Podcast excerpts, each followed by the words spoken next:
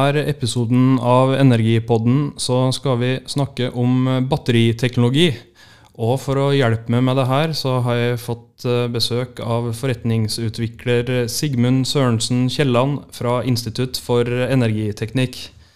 Hei, hei. Eh, hallo. Først, hva er egentlig et batteri, Sigmund? Så Man har jo mange forskjellige definisjoner på et batteri, da, men eh, den, eh, den, vi skal forholde oss til i dag, det er at eh, batterier er en elektrokjemisk lagringsform av energi. Så Man kan jo ofte også snakke om batterier som til å også inkludere måte, vannkraften, reservoarvannkraft eller andre typer lagring. Da. Men, men, i dag så snakker vi om den elektrokjemiske lagringen. Så at det er en, en lagring ja, elektrokjemisk. Det blir litt sånn uh, batteriet jeg hadde på den radiostyrte bilen min, på en måte bare i større format, da. Ja, det kan du si. Der, tidligere så hadde man jo, eh, eller da jeg også vokste opp, så hadde jeg jo eh, radiostyrte biler med batteri. Men det man ser i elbilen i dag, er jo på en veldig mye større skala. da. Hvorfor å skal drive med batteri i Norge, det har jeg lest litt svar på fra IFE, for dere har gode svar på det. Ja, vi, har, eh, vi, har, i hvert fall eh, eh, opp, opparbeidet oss en god pondus på det. Vi har, altså IFE, Institutt for energiteknikk, ble jo starta for 75 år siden, men da i starten kun forskning på atomkraft. Og så etter hvert, og de siste 15 åra, så, så, har man jo da forska på batterier også, i tillegg til mange andre fornybare løsninger. Vi forsker jo på måte, bredt på energi. Og innenfor batterier så har vi jo så starta vi da for 15 år siden cirka, med å forske på både batterimaterialer. så anodematerialer, da, spesifikt på silisium, eh, som da på den tida kom eh, hovedsakelig fra solcelleforskningen. Som nå også snakkes om som neste type anodemateriale da, i batterier. Så jeg har forska veldig mye på det. Også i tillegg testa mye kommersielle batterier. Testa mye batterier for Think eh, tidligere i starten, eh, før de gikk konk, dessverre. Men da de gikk konk, så gikk mye av den IPR-en gikk over til maritim industri.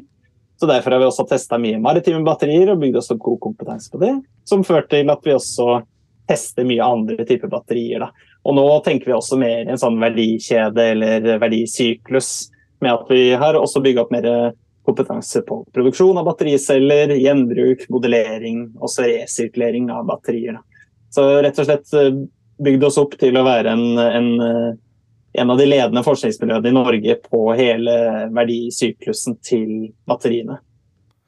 Det er mye i den syklusen der, og når jeg har vært inne og kikka til dere, så er det liksom i hvert fall en seks-sju ledd, da, og der IFE mm. er sterkt inne i tre av dem, i hvert fall. Både der med mm. materiale, resirkulering, eh, er jo kjempeviktige. Mm. Ja, absolutt, og, og, det er jo noe vi har ut, Eh, eller opparbeida oss kompetanse på gjennom, gjennom, mange år allerede. Og nå fikk vi også i fjor tildeling til noe som heter NABLA, eller eh, Norwegian Advanced Battery Laboratory, som det heter. Og det, Der har vi også fått støtte til en såkalt prototyplinje, så det er egentlig da en halvautomatisk eh, batteri-celleproduksjonslinje. Så det er egentlig ganske likt som det eh, celleprodusentene som Morrow og Freyr og Beyonder osv. Eh, skal installere, bare at vår er litt mer fleksibel, ikke så fokusert på høy, uh, høy gjennomstrømning eller høy produksjons, uh, produksjonstid, eller throughput, av batteriene. Så denne her er mer for å validere type materialer, hvis de norske materialprodusentene lurer på hvordan de nye materialene sine fungerer i batteriet, så, så validerer vi det på den linja vi har fått gjennom Nabla. Så der holder vi på sammen med flere partnere i dette Nabla-senteret på å sette opp all infrastrukturen. Så det skal jo da sørge for at man har mer eh, forskningsinfrastruktur for å forske på batterier. Og så er det en god start, så jeg håper på at vi kan fortsette å bygge opp det enda videre da, for å sikre den kompetansebyggingen innenfor forskning og utvikling på batterier. Hvis du ser på partnerne dere har med dere rundt på det her, så ser det jo for meg ut som at det her er virkelig en teknologi å satse på. Det er store og viktige navn her. Ja, som, Vi har jo veldig mye interesse fra mange forskjellige deler av, av industrien. Og vi har jo mest, vi har mest uh, forskningsprosjekter sammen med norsk industri. Men også en god del med europeisk industri. Og så har vi også flere internasjonale bedrifter fra enten det er fra Japan eller Korea Starta akkurat et forskningsprosjekt med, med en koreansk halvstatlig partner tidligere år for batterisystemer. Og også andre steder i verden da, som vi samarbeider med. Så det er virkelig et internasjonalt samarbeid og en internasjonal interesse innenfor uh, batteriindustrien. Som vi også ser, uh, ser, med glede på at norske selskaper virkelig har kommet på banen. Det er mye, mye jobbing internt i Norge også for oss da, for å sikre den norske kompetansebyggingen og den norske batteriindustrien. Så onde tunger som snakker om det er at vi ikke har noe spesielt kunnskap om batteri i Norge og derfor ikke bør satse på det, de tar jo egentlig litt feil? Ja, Det er vel mest snakk om volumet. da. Og hvis man sammenligner med de eh, og, og, på, på produksjonen, da, celleproduksjonen så Det er ingen tvil om at vi ligger 10-15 år bak eh, f.eks. Kina, Japan og Korea på produksjon av battericeller. De starta tidlig og har, har produsert en del allerede. Så vi trenger å bygge opp eh, dette her i Norge. Og så har vi som sagt litt, litt nisjekunnskap. Da. Så vi har drevet med forskning på IFE i 15 år på batterier. Men det er samtidig på en helt annen skala enn det man har gjort andre steder i verden. Så det virker i behov for å satse videre også for å bygge opp enda mer kompetanse og flinke folk i Norge også innenfor batteriindustrien framover. Og da batteri, og så er vi inne i et grønt skifte Folk snakker om at batteri kan bidra inn der mot uh, de utfordringene man står for, overfor på jorda. Tenker da mm. global oppvarming og sånne ting. Hvordan henger det her sammen? Ja, det er jo mange som snakker om batterier som en del av det grønne skiftet. Og batterier kan jo på mange måter være en slags en foldekniv eller en Swiss Army knife inn i, uh, inn i det grønne skiftet. Så det kan jo brukes til veldig mye. Både til å redusere direkte utslipp, og også til å redusere indirekte utslipp. Og indirekte utslipp er jo eh, f.eks. For, for å balansere energisystemet gjennom industri og sånne ting, men den kan også redusere utslippene direkte, sånn som vi ser rundt oss nå. Spesielt i Norge, og så begynner resten av verden å komme med transport. Når man bytter ut av fossildrevet transport med batterielektrisk transport, så, så er det veldig tydelig hvor effekten kommer med utslippsreduksjonen fra batteriene. Og da når du tenker transport, så tenker jeg på min elbil, men eh, du mm. tenker sikkert òg enda større, kanskje? Fly og sånne ting, eller? Ja, fly er ikke elektriske eller batterielektriske i veldig stor grad i dag. I hvert fall ikke som hoved, eh, altså hoveddrivstoffmiddel. Det brukes jo mye fossilt enn så lenge. Men transport i dag har ca. globale utslipp på 15% så det er veldig viktig å avkarbonisere her. Og når det gjelder bil, som nevnt, så er det en veldig viktig del av det. I Norge så er over 15% av bilparken i dag, den totale bilparken, er nå elektrisk. Så der har man jo vært gjennom et, eh, et ganske stort skifte der med insentivordninger for å få flere elbiler på veiene. Men selv om vi har en relativt stor uh, elbilandel i Norge i dag, så har vi omtrent like mange elbiler som i Tyskland, der det er 1% av det totale bilmarkedet. Så det er litt sånn eh, numbers game her også, med, med at uh, Norge er et lite marked som har kommet raskt i gang. Da. Så det er veldig bra å se verden komme etter også. Så elbiler er definitivt en, et marked der man har sett mye batterier gå inn allerede, og som det forventes at det går veldig mye batterier inn i framover. Men i Norge i dag så har vi også veldig mye skip som er batterielektriske. Så Norge har faktisk også, det er ikke sikkert at alle vet det, eller at det er så mange som vet det, men Norge har ca. en tredel av alle verdens batterielektriske skip i dag. Som er eh, litt over 250 skip. Så mm, det er mange ferger på Vestlandet og litt sånn forskjellige typer skip da, som er batterielektriske. Så det, både når det gjelder bil og båt, så har vi ganske mye batterielektrisk per nå. For flytransport og annen type transport så, så er dette på vei, på vei forhåpentlig om ikke altfor lenge. Ja, en ser jo de aller fleste bilprodusentene de satser jo på elbil. Mm. Ja, det er det som er, det er, er framtiden. Jeg tror det er ganske klart at uh, batterielektrisk Eller ikke nødvendigvis batterielektrisk, kan være andre løsninger også, men at man må over på utslippsfri transport for veien framover. Så da må det satses mye, og det er nå, det er nå kappløpet er virkelig i gang for elbilprodusentene, eller bilprodusentene generelt sett. Så vi har jo sett en storstilt omstilling med måte, tysk bilindustri f.eks. etter at eh, Tesla kom på banen og var en stor konkurrent der. Men da med batterier, og da tenker jeg på med min elbil òg, det er jo en markant eh, mindre kjørelengde når det er kaldt, da, sånn som vi i Norge. er liksom det Er det et stort problem?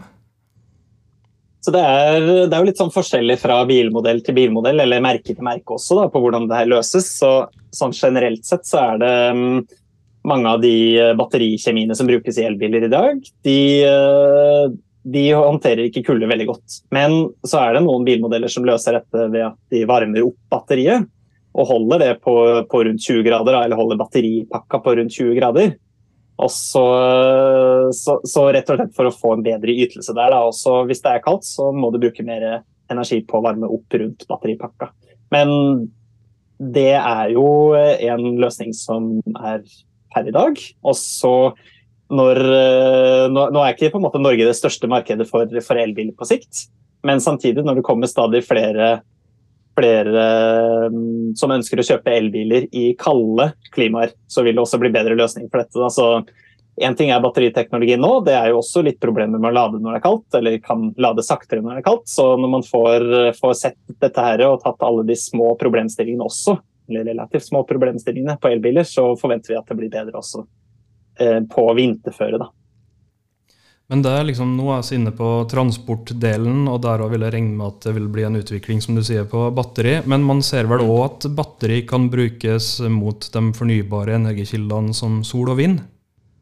Ja, absolutt. Så det, det er øh, I Norge i dag så har vi jo et øh, Det er et, for så vidt et værbasert kraftsystem med vannkraften, som er avhengig av nedbør. Og, og snøsmelting på våren osv. Men samtidig, når man skal over til et uh, kraftsystem som er i større grad basert på daglige svingninger, som f.eks.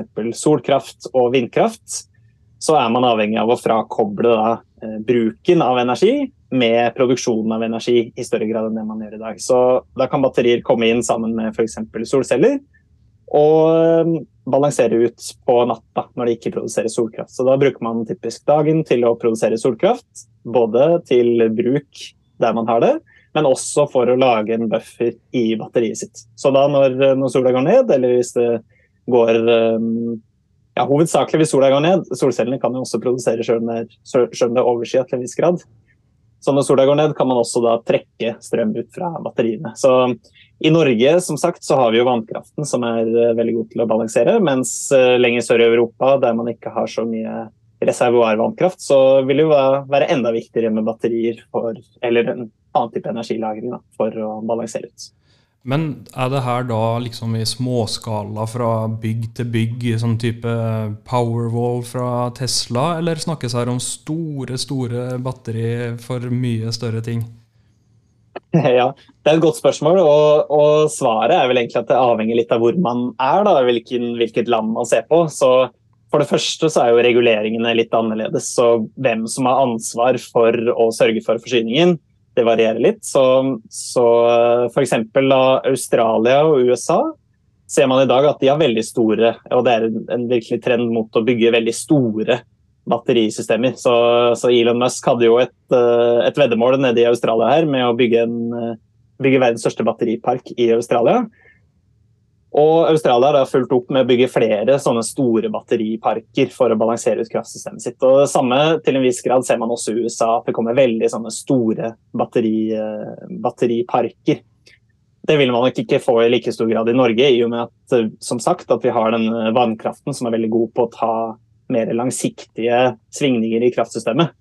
Mens uh, andre steder i Europa, Storbritannia f.eks., har uh, også en trend mot litt større um, batteriparker. Da, og kanskje også sørover i Europa, der det er enda større grad av solceller. Så, så kan man også se det. Da. Så det er litt uh, varierende fra land til land hva man forventer. Men en god blanding vil man nok se uansett, med både batterier tilknytta til husholdninger og bygg og industribygg, i tillegg til disse litt større batteribankene, da, eller batteriparkene. Ja, og når jeg tenker litt mer på sånn boliger, da, så har jeg jo lest litt i mediene rundt det der med problemet med å sende overskuddsstrømmen ut på nettet. Mm. Da kan jo noen sånne batterisystem i huset funke bra. Ja, så det er det, det at man får, får sol, solkraftsystemer eller solpaneler ut taket i, uh, langt ute på nettet, uh, ute på en lang radial der, det, det, kan skape problemer for nettselskapene noen steder. Og da kan batterier også bidra til å balansere ut det da, og sørge for at det er mindre stress på nettet. Så det kan absolutt være en del av løsningen der. I tillegg til at man nå også, må også tenke nytt da, på hvilke løsninger som, som fungerer best i en overordnet kontekst, og samfunnsøkonomisk også, selvfølgelig. Man må jo, må jo gi mening også å forsterke, forsterke nettet også noen steder. I tillegg til å bygge ut kanskje nettet med batterier og nett, eh, nei, unnskyld, batterier i husstanden også. Det oppleves jo fremdeles litt dyrt det her på sånn system i hjemmet. da.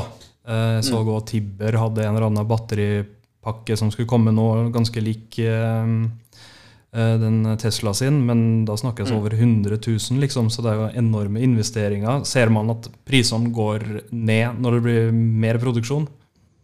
Bare for å ta, Skal ikke, skal ikke snakke, snakke, spesifikt om forskjellige selskaper. Da. Det er veldig bra at det kommer ulike tilbud, men, men, for å ta et eksempel på et hjemmebatteri, så kan det koste som du sa, rundt 100 000 da, for rundt 7 kWt.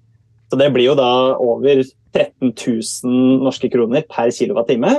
Og Det er for et hjemmebatteri. Og Så kan man da se på ok, hva hvis jeg kjøper en elbil. da? Det er mange elbiler på veien i dag, og nå kommer det stadig også flere elbiler som har muligheten for såkalt vehicle to grid. At de kan sende da, Eller vehicle to load, vehicle to home er også andre typer begreper. da. Rett og slett at man kan koble bilen sin til huset sitt eller til nettet. Um, så det er noen, noen, muligheter for det. Og, og, en bil som kan dette, er jo da uh, f.eks. en Hundai Ionic. Ionic 5 eller 6 som koster rundt 500 000 kroner. Og Da får du da et batteri på 58 kWt med på kjøpet, som blir da 8000 kroner, eller 8000 eh, NOK, norske kroner, per kWt. Og da får du bilen i tillegg, så da kan du på en måte halvere prisen på batteriet da, i tillegg til at du får bilen. Så det sier jo litt om hvor dyrt det er med hjemmebatterier per i dag. Da. Så når man får, eh, for det første, det er jo litt sånn eh, hva skal man si, klassisk samfunnsøkonomi at når du får til flere tilbydere, så vil også også prisen gå ned. Da. Så um, forventer jo at den prisen vil gå ned ganske kraftig framover, for det er ganske, ganske store marginer uh, nå også. Når det kommer mer vehicle to grid eller vehicle to load også, så kan man jo bruke elbilen sin også til uh, noe av dette her. Det der er det ikke gjort litt studier og forska og testa ut i Danmark? Jeg vet ikke akkurat med Danmark. Det er gjort litt studier forskjellige steder. Men i, i, stor grad så har det vært også, eller i noen grad i hvert fall, så har det vært også et problem med bilselskapene som ikke ønsker å garantere for batteriet dersom det brukes til hjemmelading, eller vehicle to grid også. da. Så Det ser man nå at, at flere av de går bort ifra. Også, og det er jo selvfølgelig bra med rette, for hvis man, hvis man også bruker det på en god måte, at man balanserer vehicle to grid på en god måte, så trenger ikke det å være veldig negativt for batteriets levetid. Og da, du avslutta fint der med levetid. Fordi det er jo noe som opptar eh, folk når det er snakk om batterier. Mm. Hvor er vi i dag på det med hvor lenge varer et batteri? Ja, hvor lenge varer egentlig batteriet? Det er jo et godt spørsmål. Og um, for å si det på, på en måte, så, så, er jo det en, en, barriere som flyttes stadig. Så man ser flere elbilprodusenter hadde i utgangspunktet en garanti på kanskje tre eller fem år. Og så ser man at bilene varer i lenger enn fem år, og så justerte de garantien sin opp til åtte år. Så nå tror jeg det er åtte år som er ganske standard på, på batterilevetid. Og det kommer nok også til å gå enda, enda lenger opp, eller bli mer nyansert i hvert fall i hva man garanterer der. Fordi batteriene er jo altså det er jo elektrokjemisk, eh, elektrokjemisk lading som brytes litt og litt ned over tid. Da. Og det får man på en måte ikke gjort noe med, da. men så er spørsmålet hvor lang tid tar det før, før, det brytes ned. og det kan, det kan, man jo på en måte forlenge til 100 år, måte, teoretisk i hvert fall, om en tid. Eller enda lenger, eller enda kortere. Det, det er på en måte litt, litt sånn materialsystem og sånt som bestemmer dette her. Da. Men man har to typer degradering, eller to typer aldring på batteriene, som er hovedkategoriene. Og det er kalenderaldring. Altså rett og slett bare at, um, at uh, batteriene kjøpes på én dato i kalenderen, og så har man batteriene gjennom flere kalendermåneder eller flere kalenderår. Så da vil man sakte, men sikkert tape litt kapasitet fra batteriene. Så det er én type degradering. Den andre typen degradering det er da eh, gjennom bruk, så sykkeldegradering eller syklusdegradering. Så det er rett og slett for hver ladesyklus så, så degraderer batteriet eller aldres batteri, batteriet lite grann. Litt og litt og litt. Så disse to mekanismene spiller jo da sammen. Og det kan man jo da på en måte tenke på som negativt, fordi hvis man kjøper en elbil og så bruker man den aldri, og så lar man den stå i 50 år, så er det ikke nødvendigvis så mye kapasitet igjen i batteriet pga. kalenderaldringen. Men på en annen side så ville det favorisere f.eks. bilflåter, der man bruker elbilene mye. Så de ville få måte, relativt lavere investeringskostnader. I og med at de da utnytter mesteparten av batteriets, batteriets levetid og ikke har så mye kalenderdegradering, men mest sånn syklusdegradering. For det, det, er jo på en måte det er jo litt spennende at det kan være en driver også, da, å, å få på plass mer bilflåte og mer bildeling. I og med at det vil være et insentiv der også fra batterikjemien sin side. Da. Men det er å lure på med det ene du er innom der med bruk av batteriet, med lading, bruk, lading. Eh, det er jo ofte sånn at man aldri skal lade dem fullt. Mm. Hvorfor? Ja, det er med de, det er med de ustabile kjemiske, kjemiske, prosessene, for å si det på den måten. Altså, du får litt grann nedbrytning. Um, og så er det én type mekanisme da, som, som aktiv, kan aktiveres hvis du lader batteriet helt opp.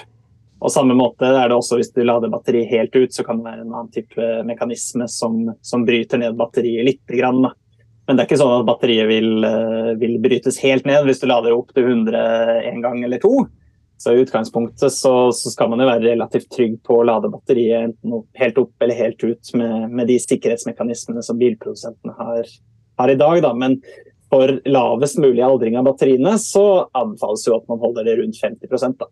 Og at man, eh, man lader heller fra 40 til 60% istedenfor å lade fra 0 til 100 hele tida. Så rundt, rundt 50% eller, eller der omkring er, er, mer en sweet spot for batteriene enn å lade helt opp og helt ut. Når en òg snakker om det her med batteriproduksjon, så er det jo noen stoffer som må til for å lage de batteriene òg. Og hvordan, mm. hvordan er liksom karbonavtrykket og det der med gjenvinning? Jeg har jo hørt at det snakkes om at eh, batterier fra elbiler kan brukes på andre måter når de er ferdige i bilen. Mm. Ja, det, det, er jo et, er et, komplisert spørsmål, på en måte, både med materialer og karbonutslipp, eh, også resirkulering. Men for å ta det første først, da, så tilgang på materialer og sånne ting, så, så ser man jo en driver fra det som har vært til nå, har vært, vært mye koboltbasert. Um, F.eks. med nikkel, mangan, kobolt, eller NMC som det kalles. Eller sånn som Tesla har gjort i stor grad, hatt denne NCA-kjemien med nikkel, kobolt og aluminium så ser man en driver vekk fra kobolt. og Det er ikke pga. at batteriene er, eh, blir bedre uten kobolt, snarere det motsatte. Men rett og slett pga. at eh, det har vært problematiske menneskerettighetsforhold ved gruvene da, eh, for å få tak i kobolt. Så mye av det har vært kontrollert av Kongo f.eks., som, som har vært problematisk.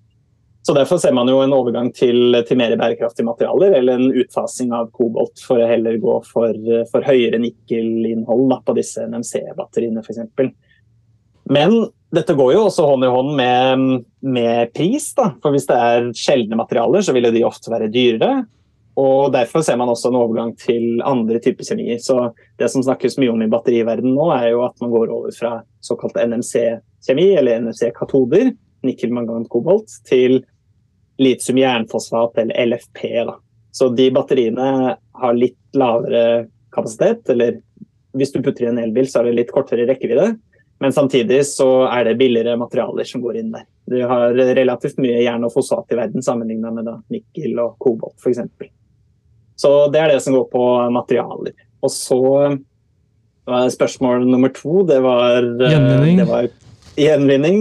Ja, gjenvinning. Det er det er også litt sånn høna og egget, for å si det på den måten. Så det ene, er, det ene som spiller inn her, det er reguleringer. Så EU sine reguleringer de er på vei, og forhåpentligvis så blir de eh, De har en foreløpig enighet eh, i EU-kommisjonen, og forhåpentligvis så blir de helt enige da. Veldig snart. For Der er det også foreslått at man skal for det første da sette krav til, eller stille krav til hvor mye resirkulert materiale Eh, man skal få fra brukte batterier, men også når man produserer nye batterier, at det skal inneholde en viss mengde med resirkulert materiale. Så da vil man også kjøpe, Hvis man produserer nye battericeller, så vil man da kjøpe materiale fra de som resirkulerer de gamle batteriene. Så det er jo en god måte å skape økonomi i det for, for de som resirkulerer, og også stille krav. da. Så det vil selvfølgelig, når de reguleringene kommer på plass, bidra til at man får mer fokus og utvikler stadig bedre løsninger for å resirkulere, også på industriell skala. Det finnes noen løsninger for å, for å mm, resirkulere batterimaterialer på forskningsskala nå, men å få økonomi i det og få det på storskala, det, det er fortsatt en flaskehals som man må løse i stadig større grad. Norge, da? Hvordan ligger oss an i utvikling av batteri? I utvikling av batterier. tenker du battericeller, da? Ja. ja um, I Norge så har vi jo Sist jeg telte, så er det fem ulike initiativer for å produsere battericeller. Og de er på full fart framover, så det er jo både Freyr, Morrow, Beyonder, Rein og også Elinor i, oppe i Trondheim der, som alle ønsker å produsere battericeller til litt forskjellige formål. Og vi jobber jo tett med flere av de som, som forskningspartner. Og spesielt også um, Morrow har vi et veldig godt samarbeid med, som akkurat nå åpna sitt forskningssenter nede i Grimstad. Så det er veldig, veldig spennende for oss da, som forskningspartner å følge med på hvordan disse industripartnerne går framover, og se at det virkelig skjer mye her. Da. Så Det er mange av de som, som uh, satser på mer bærekraftige batterier, og som satser på å bruke norsk kompetanse og bygge norske arbeidsplasser. og og bidra til at Norge kan ta del i denne nye fremvoksende industrien. Så Det er veldig, veldig godt å se fra, fra, vår side. og Vi heier jo selvfølgelig på alle disse fem initiativene. og Kanskje, kanskje om det kommer flere nisjebedrifter til også. For det er virkelig, Man ser jo at uh, battericellene er en innsatsfaktor i resten av verdikjeden. Så at man har norsk produksjon av battericeller, vil jo da også bidra til at det, er, uh, at det også støtter opp under uh, f.eks. bruk av batteriene. da. Og da... Nå har vi ikke noe elbilprodusent i Norge akkurat nå.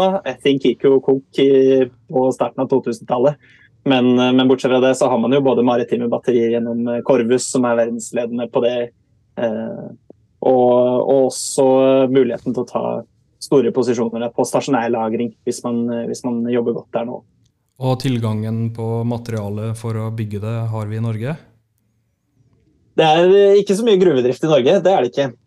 Så da er man på en måte avhengig av å inngå partnerskap med, med gode, gode, råvaretilbydere. Og selvfølgelig også når man utvikler nye batterikjemier. Som f.eks. For vi forsker på på IFE, så, så, ser vi nå eh, ganske mye på natrium-ionebatterier. Og da har man andre typer materialer som går inn der. Da. Så når man bruker andre typer materialer, f.eks. bytter ut litium med natrium, så vil man også ha flere muligheter til å sikre seg da, eh, den råmaterialet som trengs nærmere. Sånn at man ikke, ikke må gå til det, til det, fjerne østen for å få tak i de batterimaterialene man trenger. Men uh, her er jo, det er jo selvfølgelig også et, um, et spørsmål som disse battericelleprodusentene jobber med ganske mye. Så, så, her har de også god innsikt i hvordan man best mulig kan få tak i, uh, i materialer. Og også unngå eller ha høyere sånn security of supply. Da. Høyere leveringssikkerhet. Men ut ifra det du har snakka om nå, så tenker jeg liksom det med at utviklinga går fortere enn forskriftene. da. Sånn at uh, det er liksom Det er noe som gjør at det henger litt igjen, eller? Um, tja, jeg vet ikke, du, vet ikke, hva du, helt tenker på, men er, uh, hvis du tenker på resirkulering, så, så, vil det også komme et litt mer organisk uh, business case der. da. Også at, man, at det på en måte er signaler at reguleringen kommer, kan også bidra til å, til å sette opp et marked. Men i all hovedsak så vil jo for de som resirkulerer materiale, de er alltid interessert i å finne ut hvordan de kan tjene penger på det. Og per nå så er det ikke så mye det er ikke så mange gamle batterier, rett og slett, så da er det vanskelig å få det på plass i stor skala. Men uh, når uh, reguleringen kommer på plass eller ikke, det, det, vil jo selvfølgelig bidra til å styrke business-caset til, til, mange av disse bedriftene, men det er ikke nødvendigvis eh, det eneste de er avhengig av. Så reguleringene er uh, ja, det, det, det, forventer man jo å komme på plass ganske snart. Og så Nå vet vi jo at USA nå skal satse ganske heftig på det grønne skiftet. Den der Inflation Reduction Act. Og batteri vil jo òg være inn i bildet der. Vil vi da se en akselerasjon på utviklinga, tror du? Da har jo norske regjeringa lova at de skal komme med et eh, eller i hvert fall nevnt at de skal komme med et tilsvar forhåpentlig før sommeren, altså et norsk tilsvar. Så vi håper jo at det, håper at det kan bidra til å, til å, trygge og sikre verdiskapning også i, i, Norge. Da. For det er jo klart at vi ser allerede eksempler på, på bedrifter som har flagga ut til USA, for det er rett og slett veldig gunstige støtteordninger. da. Og så er det om, om, Norge skal være en leder på insentiver eller ikke, det, det er ikke en diskusjon som, som, jeg skal ta. Men i utgangspunktet så er det jo Man har flere fortrinn i Norge, og det er viktig å bygge, bygge norsk arbeidskraft. Da. Også om det gjøres best med å insentivere mye eller lite, det, det er jo i og for seg en annen diskusjon. Fortrinnet til Norge er vel at vi allerede har en ganske grønn produksjon av energi, da? Ja, så Vi har en grønn energiproduksjon, det har vi absolutt. Vi har mye vannkraft, så veldig, veldig vannkraftbasert. Og så har vi veldig eh, god kompetanse også, ikke nødvendigvis innenfor batteriindustrien, men vi er den norske kulturen er jo å ha høy kvalitet, og høy kvalitet er viktig når man skal produsere batterier. Enten om det er battericeller eller ferdige systemer. I tillegg til um, Eh, ja, som, som, nevnt også eh, bærekraftstanken, og også hvordan vi har bygga opp samfunnet vårt. At, eh, at vi, er, vi, er, et sosialdemokratisk samfunn også, vil jeg, vil jeg, påstå er en stor fordel. At man, at man kan gi muligheter til, eller flytte muligheter og, og sørge for innovasjon i flere ledd. Da. Ikke at alle beslutningene tas fra toppen og tres nedover. Hvordan ser eh, du for deg utviklinga framover innen batteriteknologi? Vil det liksom akselerere enda mer, eller er det liksom sånn at det har kommet til et punkt nå at det er liksom små steg hele veien? Jeg tror vi bare ser begynnelsen på dette her. Um, så nå er, jo, uh, nå er, det jo, på en måte pride, da. Så det er jo en veldig god mulighet for å trekke en analogi der. fordi det, man ser jo at det er stadig mer aksept for diversi, diversitet i, eller mangfold i samfunnet. Og mer mangfold kan man også forvente seg av batteriteknologi når man går framover. Så per nå så ser man jo at uh, det er mye av det samme batterikjemien som går inn i elbilbatterier, til hjemmebatterier, til maritime batterier. Mens framover så, så man jo, kan man forvente at eh, det blir flere typer batterier. Da. Kanskje man har en type kjemi til, eh, en type kjemi til langdistansebiler, en type til bybiler, flere typer til stasjonærlagring. Kanskje én funker best til eh, industribygg. Kanskje en annen type kjemi til, eh, til nettstøtte med frekvensregulering osv. Så, videre. så Så man, man, kan nok forvente at det blir mer mangfold da, i batteriløsningene som kommer framover. Noen natrium-ionebatterier kan også komme, og sikkert uh, faststoffbatterier. Og ja, you name it. Mange typer forskjellige batterier. Da. Så jeg tror virkelig at vi er i startgropa nå på på det som kan bli en, en oppblomstring av forskjellige typer batteriteknologier til forskjellig, bruks, eh, til forskjellig bruk. Da. Og også mer gjenbruk av gamle batterier, f.eks. Det kan man jo også, eh, også satse på eller håpe på. Så batterier de hører definitivt med i det grønne skiftet, og de kan bli en viktig del av utviklinga framover? Det tror jeg absolutt vi kan si.